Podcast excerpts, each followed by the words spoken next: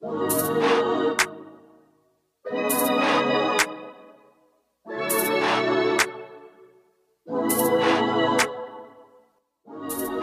to Happiness Project. Bahasan seputar perspektif, pola pikir, dan kesehatan mental. With your host, Bandoro Gunarso. You are on the way of creating your own made happiness.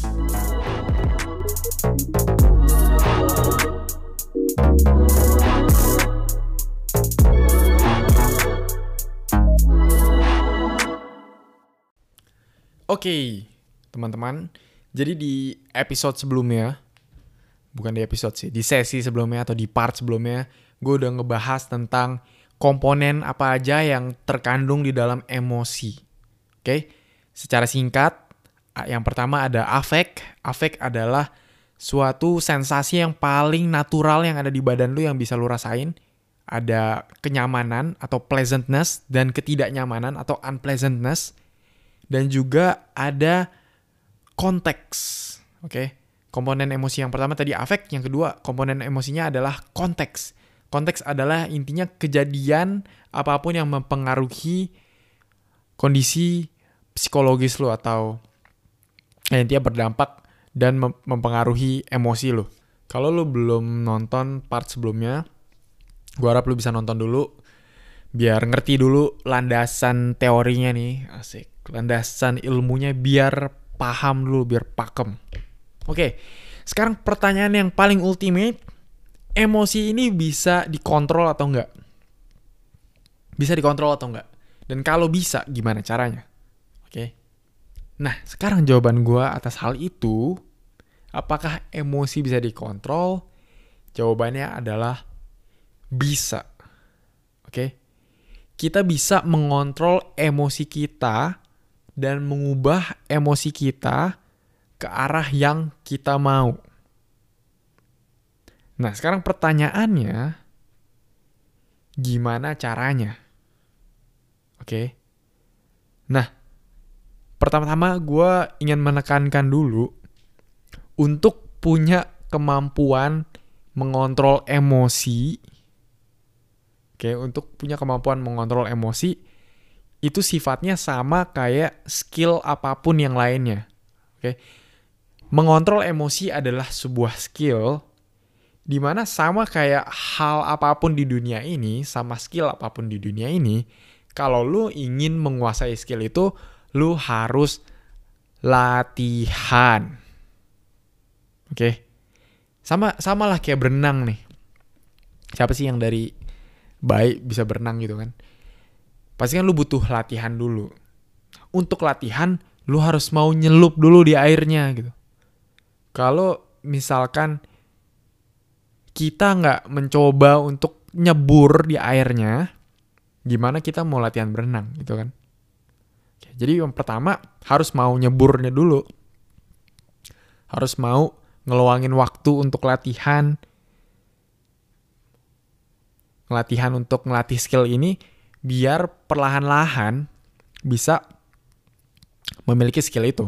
Jadi butuh proses dan prosesnya bervariasi dan tergantung jenis latihannya bisa mingguan, bulanan, tahunan gitu. Kayak gue, misalkan gue latihan meditasi sekarang udah tiga tahun dan ya awal-awal di bulan pertama atau bulan kedua ya belum kerasa apa-apa gitu efeknya. Memang butuh proses sampai beneran bisa mindful ya, dan sekarang gue bisa menggunakan mindfulness itu kapan pun gue mau gitu.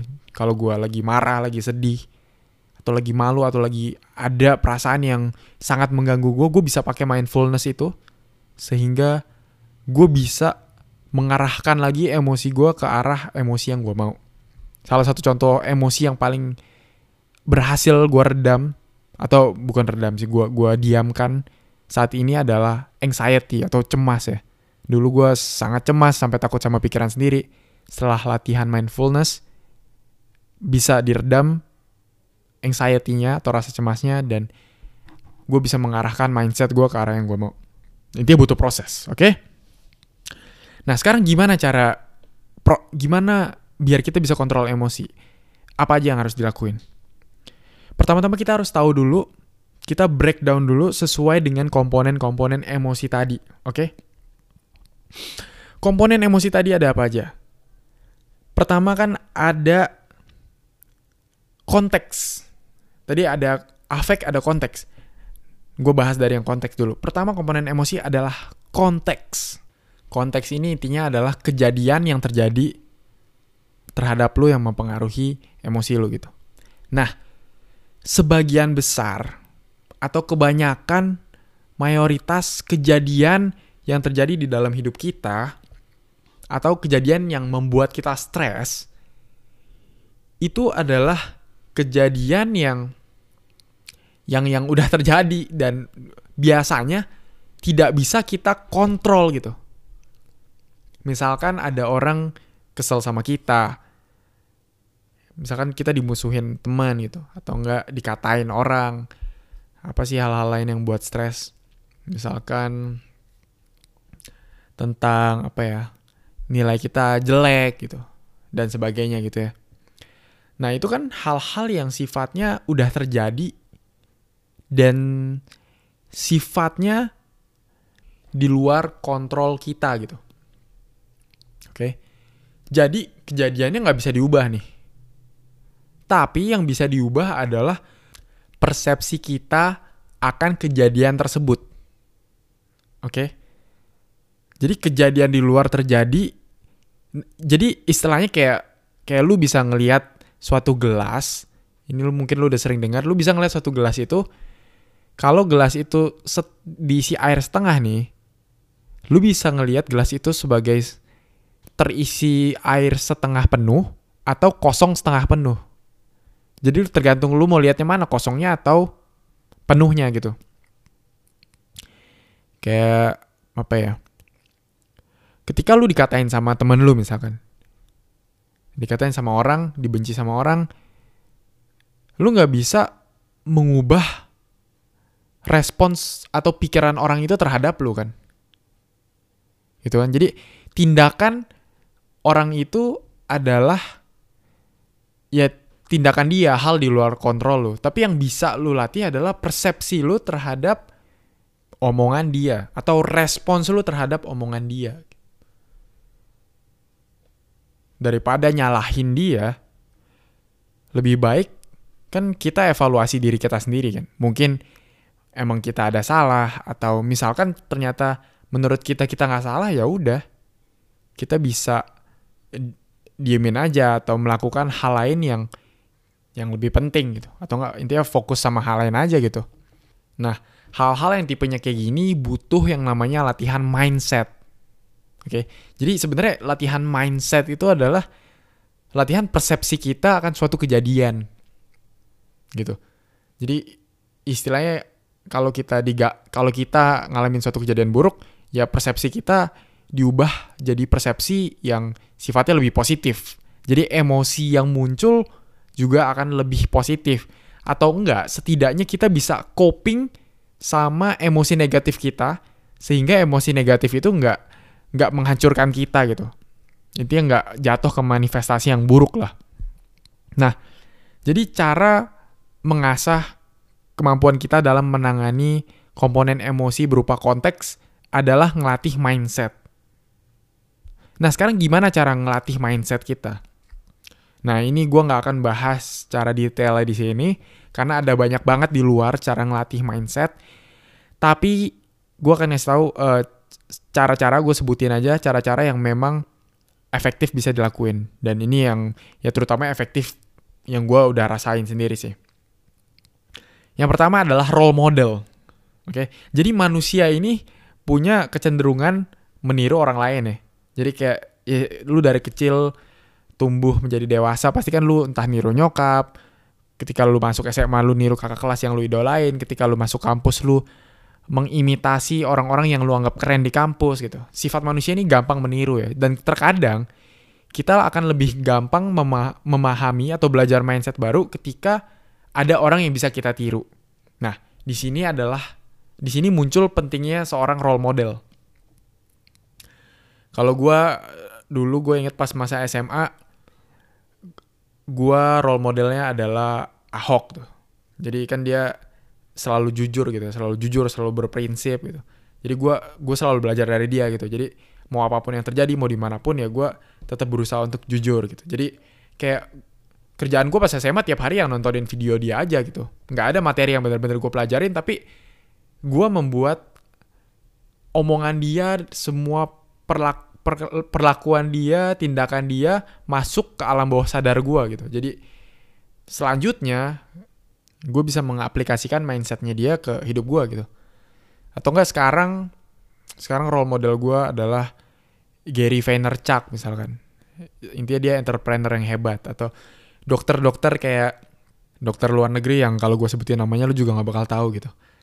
Nah, intinya kalau lu ingin diri lu menjadi sesuatu yang hebat di bidang apa pun itu atau da dalam rupa karakter apa pun itu, lu bisa cari orang yang terhebat di bidangnya dan lu bisa dengan kemudahan media sosial sekarang ya, lu di YouTube lu bisa cari orang terbaik di bidangnya, lu bisa tontonin dia setiap hari.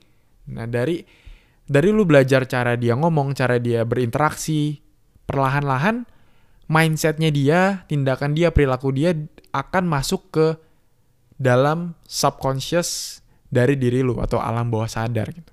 Dan itu salah satu cara yang lumayan efektif buat mempelajari mindset baru. Dan ini juga bisa nggak cuman dari YouTube, lu bisa juga cari mentor langsung, belajar sama mentor di dunia nyata, entah dari entah dosen atau Kang Somai siapa pun yang lu ngefans atau dari temen-temen lu yang lu anggap punya karakter yang baik gitu. Intinya siapa pun gitu. Oke itu yang pertama role model. Nah selain melalui role model melatih mindset juga bisa melalui refleksi harian misalkan. Jadi ini metode yang sangat bagus. Jadi mungkin tiap malam lu bisa meluangkan waktu ya entah 10, 20, 30 menit untuk diem aja nggak megang HP dan bener-bener mikirin goal hidup lu, mikirin semua keresahan lu, mikirin apa yang lu suka gitu. Jadi lu bisa mengasah bener-bener mind atau pikiran lu into a deep level. Ini juga bisa dari diskusi atau bisa dengan meditasi. Meditasi juga salah satu bentuk apa ya salah satu bentuk di mana lu bisa merasakan afek lu di bentuk paling naturalnya. Jadi bentuk paling netralnya lu bisa benar-benar merasakan afek lu apa adanya sehingga lu bisa memahami respons tubuh lu akan sesuatu gitu. Itu itu meditasi atau mindfulness lah nama lainnya. Atau lu bisa ngelakuin uh, atau lu bisa juga ngelatih mindset dengan cara mengeksplor hal-hal yang belum pernah lu explore sebelum belum lu explore sebelumnya. Mengeksplor mengeksplor pengalaman yang susah. Kayak jujur hal-hal yang selama ini paling banyak membawa pelajaran ke gue adalah ketika gue gagal akan sesuatu gitu. Atau enggak ketika gue super duper stres, ketika ada suatu kejadian yang membuat gue super duper stres, di sanalah gue paling belajar dan abis itu, abis kejadian stres itu gue jadi lebih lebih kuat aja gitu, lebih strong gitu istilahnya. Nah itu, itu cara melatih mindset, cara mengontrol emosi yang pertama. Dan ini butuh repetisi terus-menerus, butuh masukin mindset itu ke alam bawah sadar lo, jadi biar dia bisa muncul secara natural, nggak dibuat-buat munculnya. Oke? Nah, kedua, hal yang bisa dilakuin untuk mengontrol emosi adalah, yang pertama kan tadi konteksnya udah kita atur nih. Persepsi kita akan kejadian udah kita atur. Yang kedua, yang bisa kita atur adalah komponen afeknya. Oke? Jadi sebenarnya sensasi nyaman dan tidak nyaman di badan kita bisa kita kontrol gitu. Dan kalau dia bisa kita kontrol menjadi berada dalam posisi senyaman mungkin, emosi yang timbul di diri kita juga bisa jadi lebih positif atau lebih sering kali menjadi emosi yang positif. Oke. Okay? Inilah alasan kenapa sejak muda gue udah mencoba untuk hidup sehat gitu. Karena ketika hidup lu sehat, lu ju- bukan cuman terhindar dari penyakit-penyakit masa depan kayak diabetes, serangan jantung ya. Lu tahu udah jadi pembunuh utama di dunia itu zaman sekarang. Bukan cuman terhindar dari penyakit yang itu, itu mah masih jauh gitu. Masih 30, 20, 40 tahun lagi gitu. Tapi lu juga bisa mengontrol emosi lu sekarang di masa sekarang. Dia bisa membantu lu untuk meningkatkan mood saat ini juga gitu. Jadi itu yang membuat gue kenapa di be- beberapa bulan atau tahun ini setelah gue belajar tentang emosi dan sebagainya, gue jadi semakin pengen hidup sehat gitu. Ternyata bukan aspek psikologis saja, tapi aspek biologis juga sangat berpengaruh buat emosi kita. Kayak gue ceritain tadi, kayak kalau cewek lagi PMS jadi lebih marah atau enggak. Kalau lu makan kekenyangan atau lu terlalu lapar, itu bisa jelek persepsinya. Jadi afek kita sangat dipengaruhi sama kondisi tubuh kita sehat atau enggaknya tubuh kita. Oke. Nah, jadi udah jelas. Cara ngatur komponen afek adalah dengan memiliki kondisi tubuh yang paling optimal. Oke. Membuat hormon-hormon di badan lu bekerja seoptimal mungkin dan juga menurunkan faktor-faktor inflamasi. Nah, jadi kalau lu mungkin penasaran ya. Jadi udah sebenarnya udah banyak banget penelitian yang meneliti hubungan antara emosi dengan kondisi inflamasi atau peradangan di dalam tubuh gitu ya. Jadi kalau tubuh kita dal- lagi dalam kondisi radang yang biasanya dipengaruhi oleh pola makan kita, gaya hidup malas dan sebagainya. Nama lain radang inflamasi gitu. Nah, jadi kalau badan kita ngalamin inflamasi, tubuh kita akan ngeluarin senyawa-senyawa kimia hasil inflamasi yang di otak hal itu bisa dipersepsikan menjadi afek unpleasant atau afek afek nggak nyaman atau istilah umumnya mood yang jelek gitu. Jadi otak kita juga paham gitu. Kalau tubuh kita lagi ada peradangan inflamasi yang lu nggak harus ngerasain sakit, lu nggak harus nggak harus sakit flu dulu, nggak harus sakit paru-paru dulu, nggak harus sakit yang bener-bener lu bisa ngerasain di badan lu, tapi bisa juga sakit yang sifatnya itu uh, sub unconscious. Banyak kayak peradangan-peradangan yang sifatnya unconscious kayak kalau lu ngerokok itu sebenarnya di badan lu di paru-paru lu itu terjadi proses inflamasi yang terus-menerus yang sifatnya kronis yang nggak kerasa bener-bener secara fisik tapi sebenarnya keluar dia. Senyawa inflamasinya senyawa kimia inflamasinya itu keluar dia dan dia bisa dipersepsikan otak. Jadi perasaan yang menjadi mood yang nggak nyaman gitu. Hal sama terjadi di misalkan ketika lu makan kurang serat dan terlalu banyak gulanya gitu. Atau enggak lu makan minyak-minyak yang sifatnya pro inflamasi. Minyak-minyak sayur, minyak sayur yang kebanyakan dan sebagainya itu udah beberapa penelitian bilang dia bisa ningkatin faktor inflamasi di dalam badan. Nah, contoh yang biar lu lebih make sense lagi nih, biar lu lebih make sense, lu kan pasti pernah ngerasa uh, ketika lu mau flu atau ketika ketika lu flu deh, ketika lu sakit apa pun, itu kan terjadi peradangan di badan lu kan. Nah, dan pas lu sakit, pasti kan lu juga merasakan perubahan mood karena sakit itu. Entah jadi males makan, entah jadi males gerak, dan sebagainya. Nah, itu adalah mekanisme yang emang ditimbulin karena senyawa-senyawa inflamasi tadi yang diinterpretasi otak lu menjadi mood yang buruk gitu. Kalau secara evolusi sebenarnya itu ada tujuannya. Secara evolusi ada tujuannya ya. Karena misalkan pas lu sakit flu, pasti kan lu cenderung untuk lebih gampang diserang predator gitu. Jadi perasaan males yang ditimbulin dari sakit itu membuat lu bisa lebih diam di tempat lu berada, jadi lebih terlindungi istilahnya kayak gitu. Jadi sebenarnya ada fungsinya juga. Tapi ya ada saatnya dia dibutuhkan, ada saatnya dia enggak gitu. Dan saat lu memiliki pola diet yang gak sehat, pola hidup yang gak sehat, ketika faktor inflamasi lu bertambah dan lu mood lu jadi turun karena itu, nah itulah di saat manifestasinya dia jadi nggak on point, nggak sesuai tujuannya, jadi nggak bagus. Oke, jadi cara mengatur komponen afek pertama-tama adalah yang paling utama adalah untuk hidup sehat.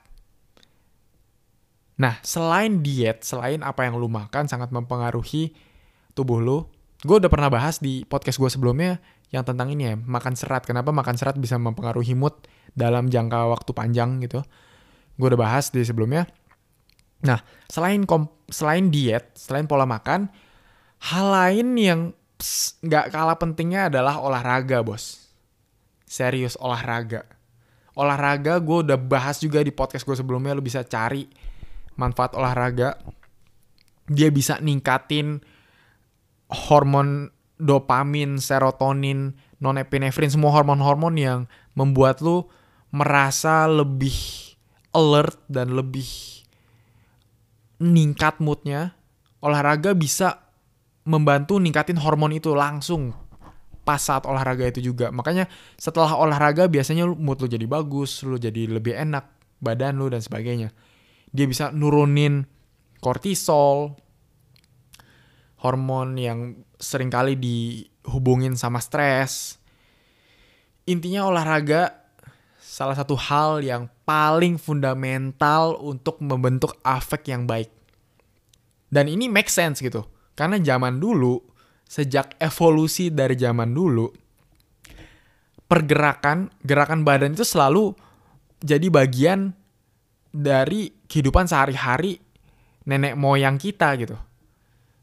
Kayak zaman dulu berburu, bangun rumah, nanam gitu.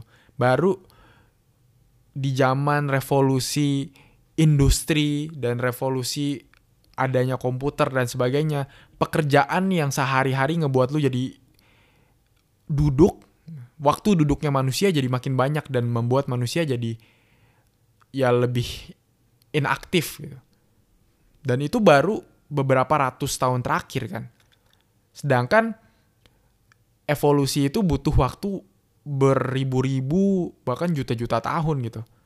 Jadi ya badan kita istilahnya cetakan kita itu masih cetakan yang lama, cetakan yang kita butuh butuh tubuh kita ini masih dibentuk untuk bergerak.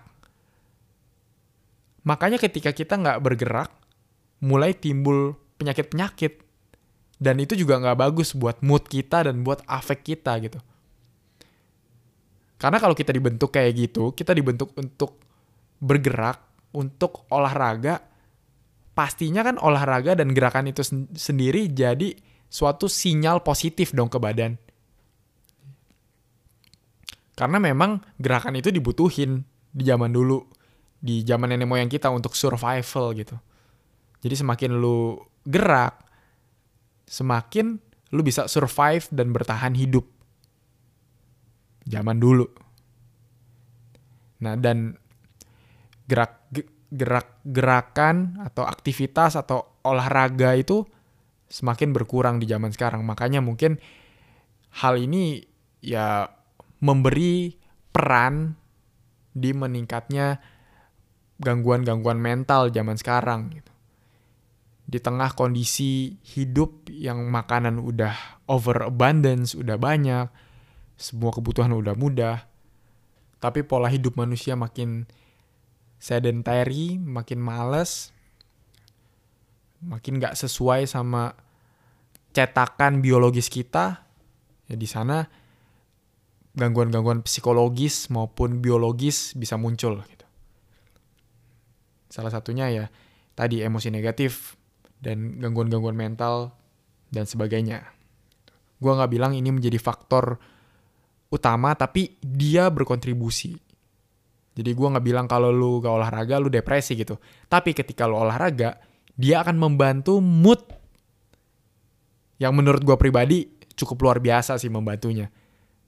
Dan ketika mood kita bagus, persepsi kita akan suatu kejadian akan lebih positif. Oke. Jadi ketika mood kita lagi enak, otomatis mikir, ngambil keputusan dan sebagainya akan jadi lebih lebih baik lah istilahnya. Oke. Jadi sekian uh, video gua kali ini eh video gua podcast gua kali ini. Jadi tadi ya sedikit recap cara mengontrol emosi. Kita bisa kontrol di dua komponen dari emosi itu sendiri. Dari konteksnya kita bisa latih dengan atur mindset dan dari afeknya kita bisa latih dengan hidup sehat, membuat afek kita berada dalam kondisi seprima mungkin. Oke. Okay? Oke, okay, eh, eh tapi satu lagi tuh, untuk kontrol afek lu bisa lakukan dengan tidur yang cukup. Tidur juga sangat penting, juga pernah gue bahas di bawah, jadi lu bisa cari-cari. Gue udah sering bahas dah pokoknya. Oke, okay? nah kalau lu merasa podcast gue berpotensi menimbulkan makna bagi hidup lu dan hidup orang-orang, lu bisa membantu gue untuk mengembangkan podcast ini dengan cara mudah, tinggal share aja di story di Instagram, bisa tag gue di @bandorogunarso atau kalau lu aktif main di Twitter, lu juga bisa bantu share di Twitter. Twitter gue @bandorgun. Oke. Okay? Ya, dan ya, kalau lu membantu, gue akan sangat berterima kasih sekali karena karena lu baik. Oke, okay, jadi ketemu gue lagi di podcast gue selanjutnya bersama dengan mungkin nanti akan ada tamu-tamu yang lain yang tentunya sangat hebat-hebat ya dan akan memberi influence ke orang-orang yang mendengarnya. Oke, okay? so it's okay not to be okay, but what's next?